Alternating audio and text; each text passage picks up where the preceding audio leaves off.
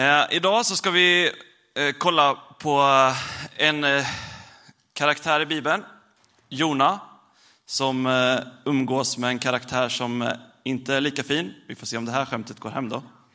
Nämligen en ful fisk.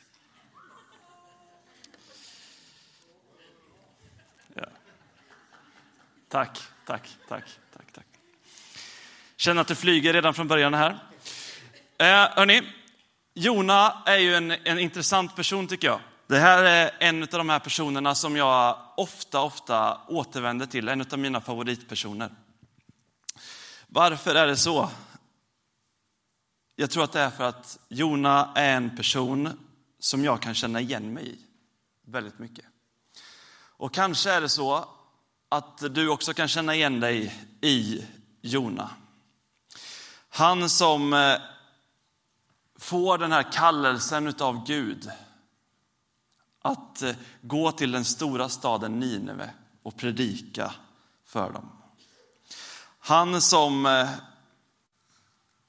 trots det där tydliga tilltalet, trots att han är så medveten om sin tjänst, så väljer han att synda. Alltså att gå ifrån det som Gud vill att han ska göra. Och mitt i allt det där så får Jona uppleva frälsningen.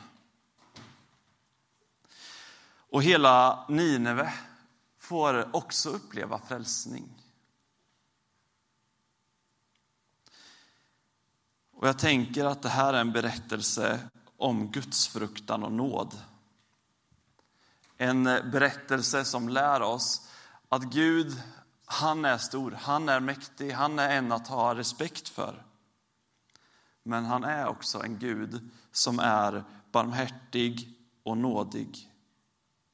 En Gud som är sen till vrede och stor i nåd och beredd att ångra det onda, som det står i kapitel 4. Och jag tänkte faktiskt att jag skulle ta för eh, Eh, för er att läsa hela den här berättelsen. Det är ju fyra kapitel. Men jag glömde mina glasögon hemma. Så jag ser inte vad det står riktigt. Så jag tänker att jag kanske inte gör det. Eh, utan eh, jag tar och berättar den i korta drag. Ni kommer få den här på, på skärmen, få se om eh, Jakob hänger med i den, i mitt återberättande. Men eh, vi gör ett försök i alla fall. Jona, det är eh, en, eh, en son till en, en kille som heter Amatajas. Och eh, han kommer ifrån från ett litet ställe som, som ligger precis vid, vid Betlehem, eh, kan man säga. Ungefär. Ungefär. Så kan ni mappa in det. Eh, han får ett tilltal från Gud Bege dig till den stora staden Nineve och predika mot dem, för deras ondska har kommit upp inför mitt ansikte. Men Jona bröt upp för att fly till Tarsis, bort från Herrens ansikte. Om vi bara stoppar här lite så, så ser vi att han får ett uppdrag där eh, en stads ondska har kommit upp inför Herrens ansikte. Det folket som eh, är Nineve då, det är eh, Nineve, det ligger vid typ eh, Bagdad kan man säga i Irak. Typ. Vi kan placera in det där ungefär. Eller Mosul kanske är ännu bättre för er som känner till de trakterna. Och det här är en plats som inte tillhör liksom det som är Guds folk egentligen. Men det har kommit upp inför Guds ansikte att det sker ondska i den här staden. Och det finns folk som debatterar att det, är, det handlar om att eh, staden Eh, är en ondskefull stad, alltså människorna är där. Men det också finns ett argument för att, för att liksom, staden har drabbats av ondska. Och det är därför som Gud nu visar staden barmhärtighet eller vill visa staden barmhärtighet. Men Jona han väljer att fly till Tarshish.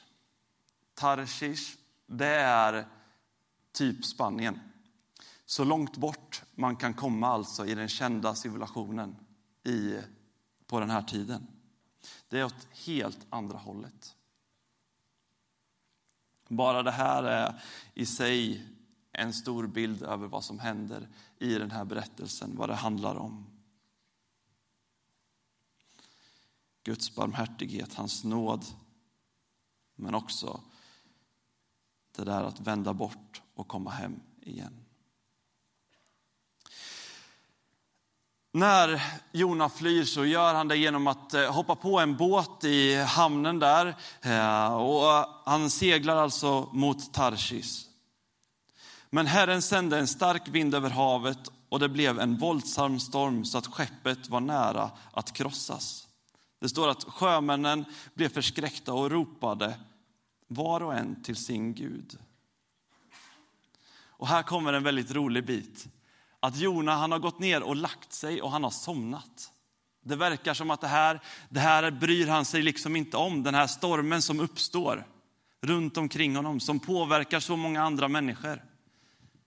Han verkar liksom inte bry sig, eller han i alla fall ignorerar det.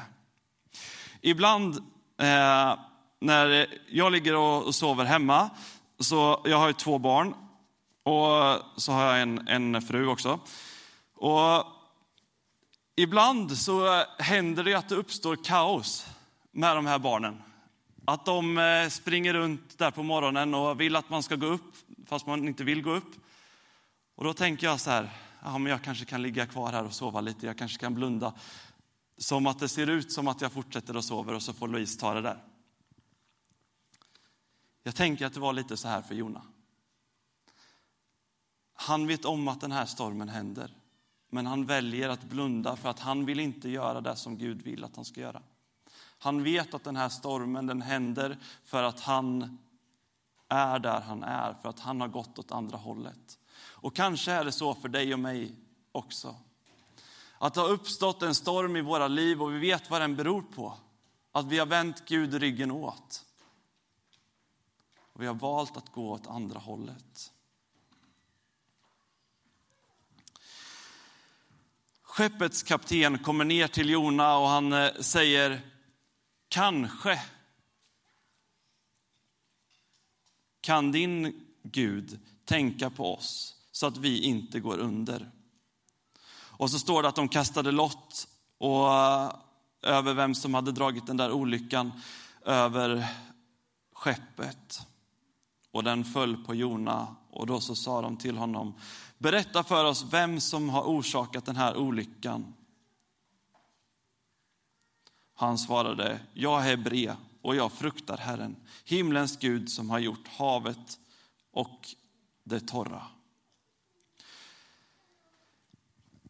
I Israel och i judarnas historia så står havet för kaoset och det torra står för friden, för liksom det där lugnet. Och jag tänker att det är en fin referens in i det här när, när de refererar till det. När Jona refererar till det. Han som har gjort havet, alltså han som är i kaoset, han finns också i det torra, i friden. Då greps männen av stark fruktan och sa till honom, vad har du gjort? Och så undrar de, vad ska vi göra med dig så att havet lugnar sig? Och han svarar, ta och kasta mig i havet så blir havet lugnt. Jag tycker att det är intressant här. De kunde ju bara ha slängt honom över bord, men de gör inte det. Utan eh, de försöker vända skeppet och ro honom tillbaka till land. De visar barmhärtighet mot honom i det här fallet. Men det där hjälper inte, utan eh, stormen fortsätter och det blir värre. Så de får göra det som Jona har sagt. De, de tar honom, slänger över bord och då lägger sig havets raseri. Och männen De greps av stor fruktan för Herren. Och sen så kommer vi in i kapitel 2 och det står om att Herren sänder en stor fisk som slukar Jona och han var i fiskens buk i tre dagar och tre nätter. Och Jona bad till Herren, sin Gud, i fiskens buk. Och eh, Jesus, han refererar faktiskt till den här, den här delen. Det enda tecknet ni ska få, det är Jonas tecken. När han var tre dagar och tre nätter i, herrens, eller i fiskens buk. Det är det enda tecknet ni ska få, säger han.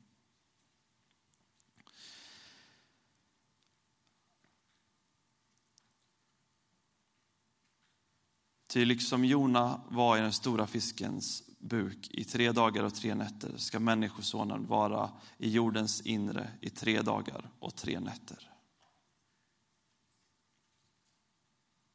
Jag tycker att det här är en fascinerande koppling.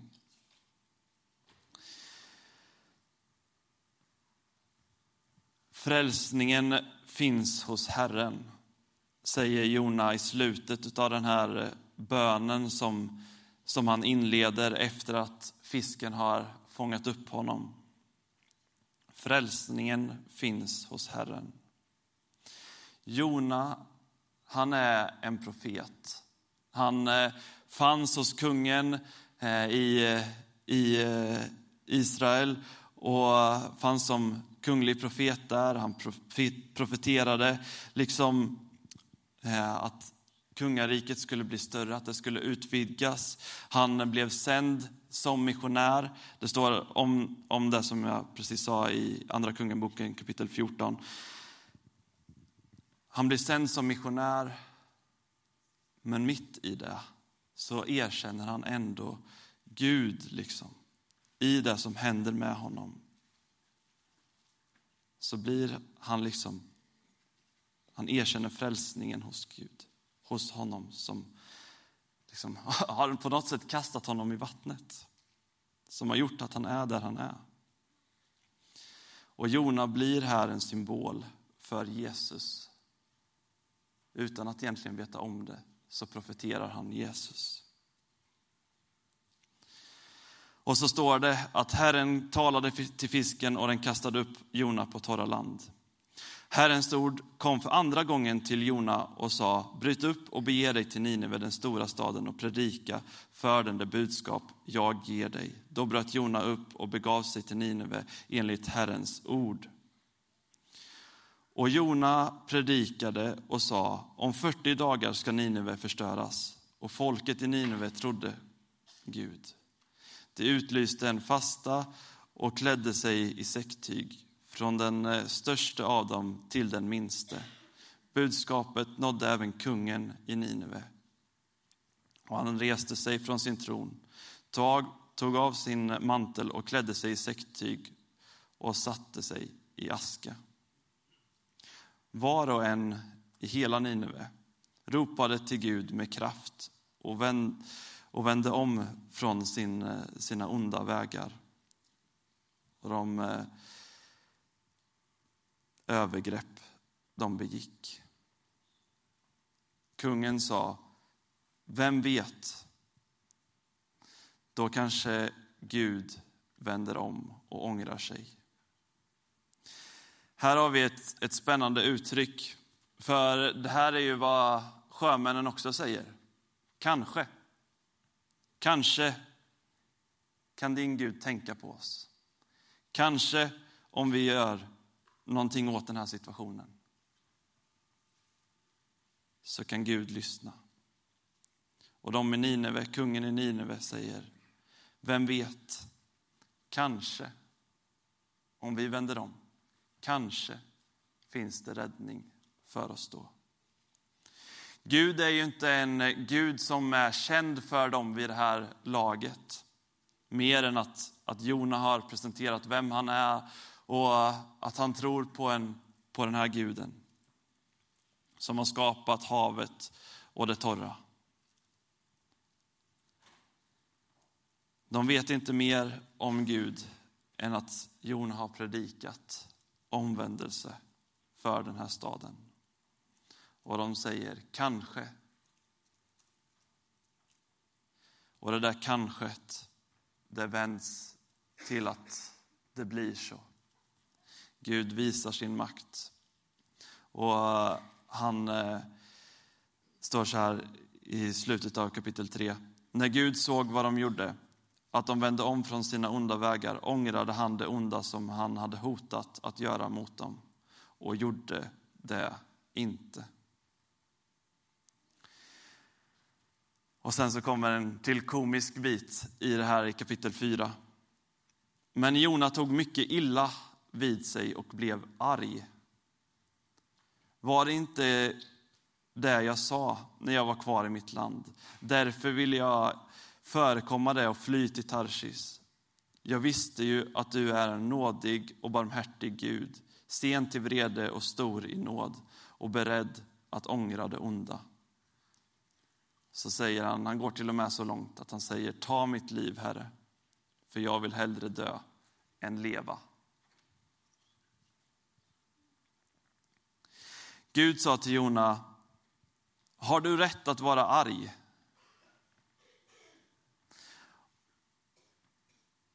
Har du rätt att säga så? Det här är människor som jag har skapat. Och han ger, en, en Jona, han ger Jona en bild på det här, för han låter en buske växa upp över Jona på en dag, som ger honom skugga åt hans huvud och befriar honom från hans missmod. Och Jona blev mycket glad, står det, över den här busken. Dagen därpå, när gryningen kom, sände Gud maskar som angrep busken så att den vissnade. När solen gick upp sände Gud en brännande östanvind och solen gassade på Jonas huvud så att han blev helt utmattad. Och så står det att Jona önskade återigen sig döden. Jag vill hellre dö än att leva, säger han. Men Gud sa till Jona igen, har du rätt att vara arg? Och Jona svarar, jag har rätt att vara så arg att jag kan dö. Säger Herren, du bryr dig om busken som du eh, inte har lagt någon möda på och du har inte odlat den, som kom till på en natt och försvann över en natt. Skulle inte jag bry mig om Nineve, den stora staden, där det finns mer än 120 000 människor som inte kan skilja mellan höger och vänster? Och dessutom en massa djur. Det här är berättelsen, nu har vi läst en hel bok i Bibeln, bra jobbat hörni. Eh, och jag tycker att alla delar i den här berättelsen är så fascinerande. Det handlar om, om kallelsen, det handlar om synden, det handlar om frälsningen, påminnelsen om kallelsen igen, Guds fruktan och så den här nåden som Gud visar Nineve, men också Jona. Jag tycker att det finns i den här berättelsen ett väldigt intressant perspektiv av vad som är ont.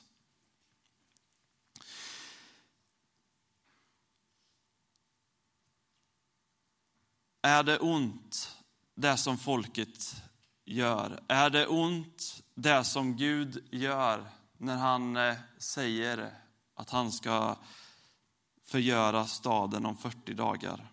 Är det ont att kasta Jona över relingen? Är det ont att de andra människorna får ta del av eh, straffet? Mycket möjligt att det är ont. Det är också mycket möjligt att det faktiskt är gott. Det som sker, allt igenom. Frågan är vilket perspektiv vi kommer ifrån.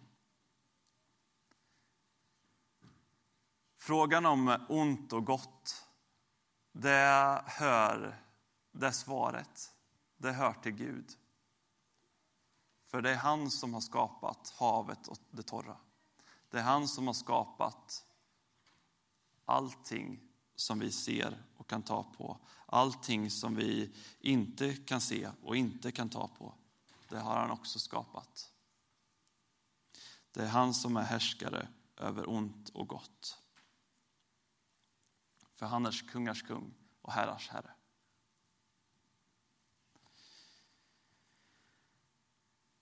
När Jona vänder ryggen till så rymmer han från, eh, från Gud. Han syndar.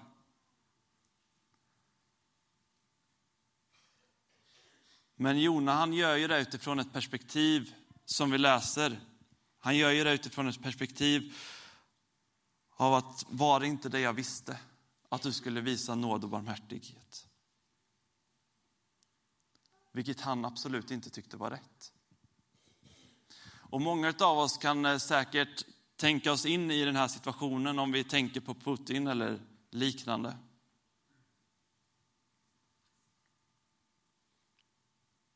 Men kanske är det så att Gud vill ge en andra chans. Kanske är det så att Gud vill möta de som är onda. Kanske är det så att Gud vill möta dem som vi tycker illa om.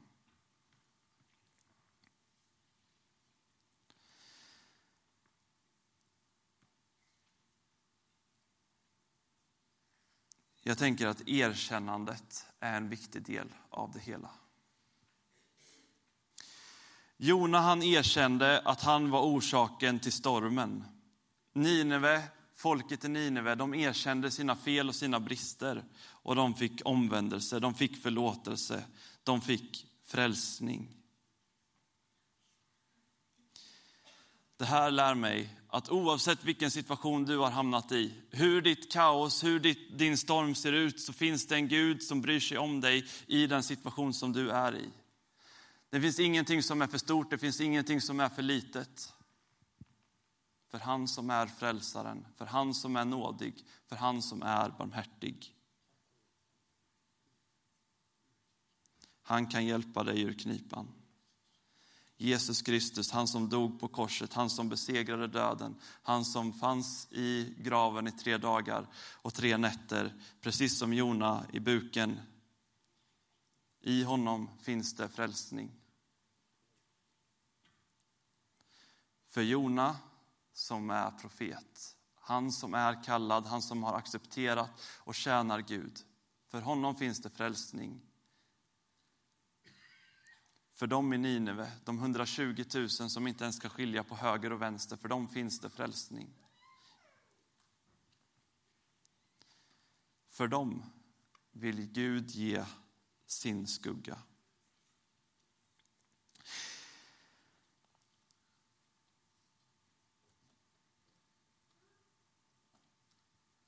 Och jag vet inte om du är som jag, men jag kan faktiskt förstå Jona när han surnar till där över att invånarna och djuren i Nineve får förlåtelse.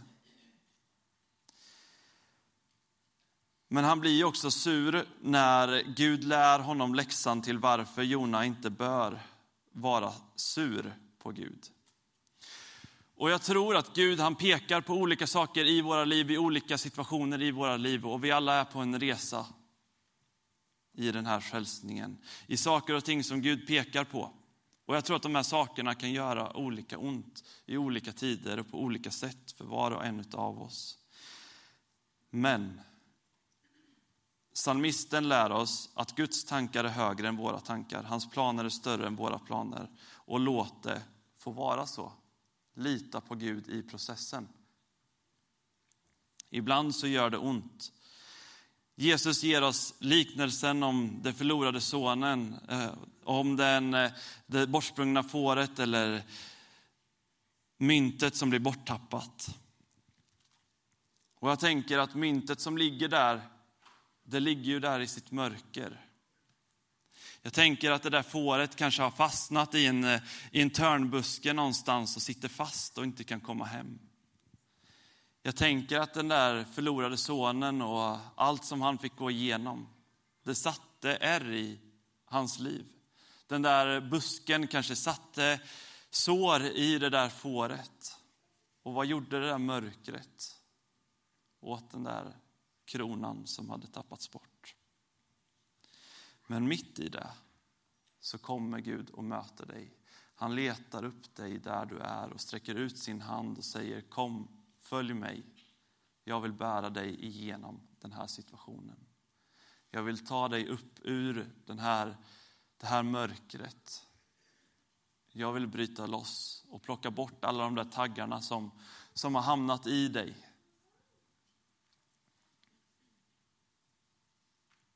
Det finns ingen garanti om att det kommer sluta storma runt omkring dig när du följer Jesus.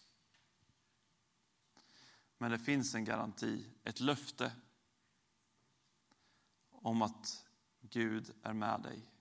Att Jesus vill stå med dig, att han är din frälsare som plockar upp dig där du är. Och är du som Jona mitt i stormen så skulle jag bara vilja be tillsammans med dig idag. Vi kommer ha vår för, förbönsplats här borta.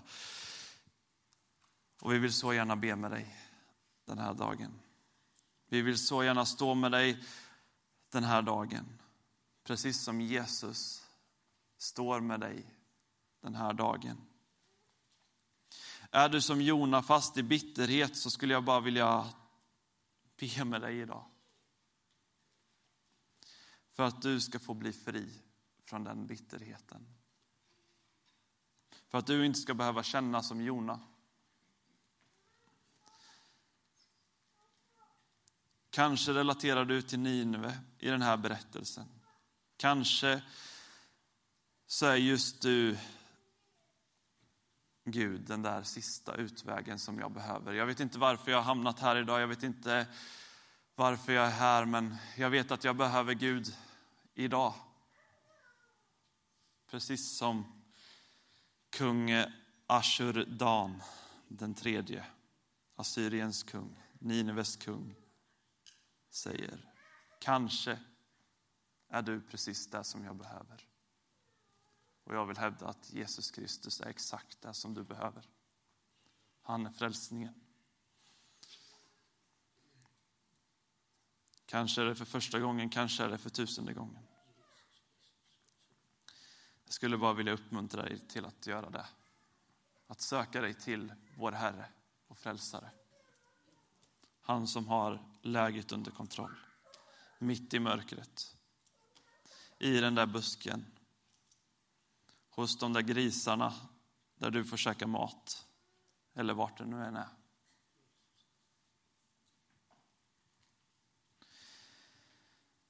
Vi som församling vi är satta här på jorden som, som Jesu kropp och eh, vi vill gå med dig. Vi vill vandra tillsammans med dig genom den här resan som är livet.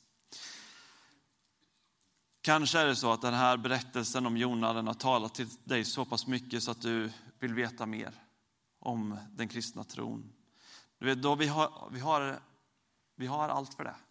Vi har alfakurs, vi har hemgrupper, vi har själavårdssamtal, vi har ett stort team pastorer, vi har ett stort gäng medlemmar som tror på Jesus Kristus, som har vandrat det här livet, gått det kanske lite längre än vad du har.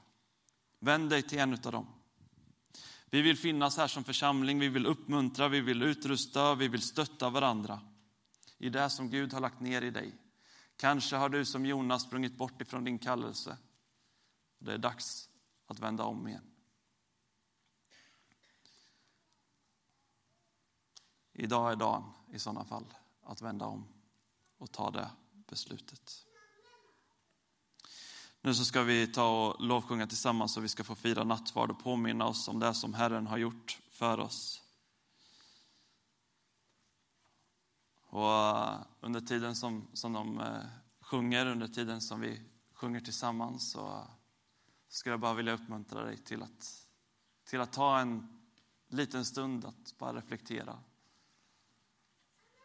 över om det finns någonting som Gud kan få göra i ditt liv den här söndagen. Amen. Tack för att du har lyssnat på undervisning från oss i Malmö Pingstförsamling. Så roligt att du tog del av det här. Om du blev berörd på något sätt eller om du fick några tankar eller funderingar eller om du tog emot Jesus så vill vi jättegärna höra från dig. Du kan nå oss via vår hemsida europaporten.com. Där finns kontaktuppgifter till alla våra pastorer, anställda och andra ledare. Du kan också nå oss via sociala medier. På Facebook heter vi Malmö Pingstförsamling. På Instagram heter vi Malmö Pingst. Har du något du vill att vi hjälper till att be för så kan du mejla oss på forbon europaporten.com. Då når du vårt förbundsteam direkt. Tack än en gång att du lyssnade. Hoppas att vi ses framöver på gudstjänst 10.30 på söndagar eller på någon av våra andra samlingar.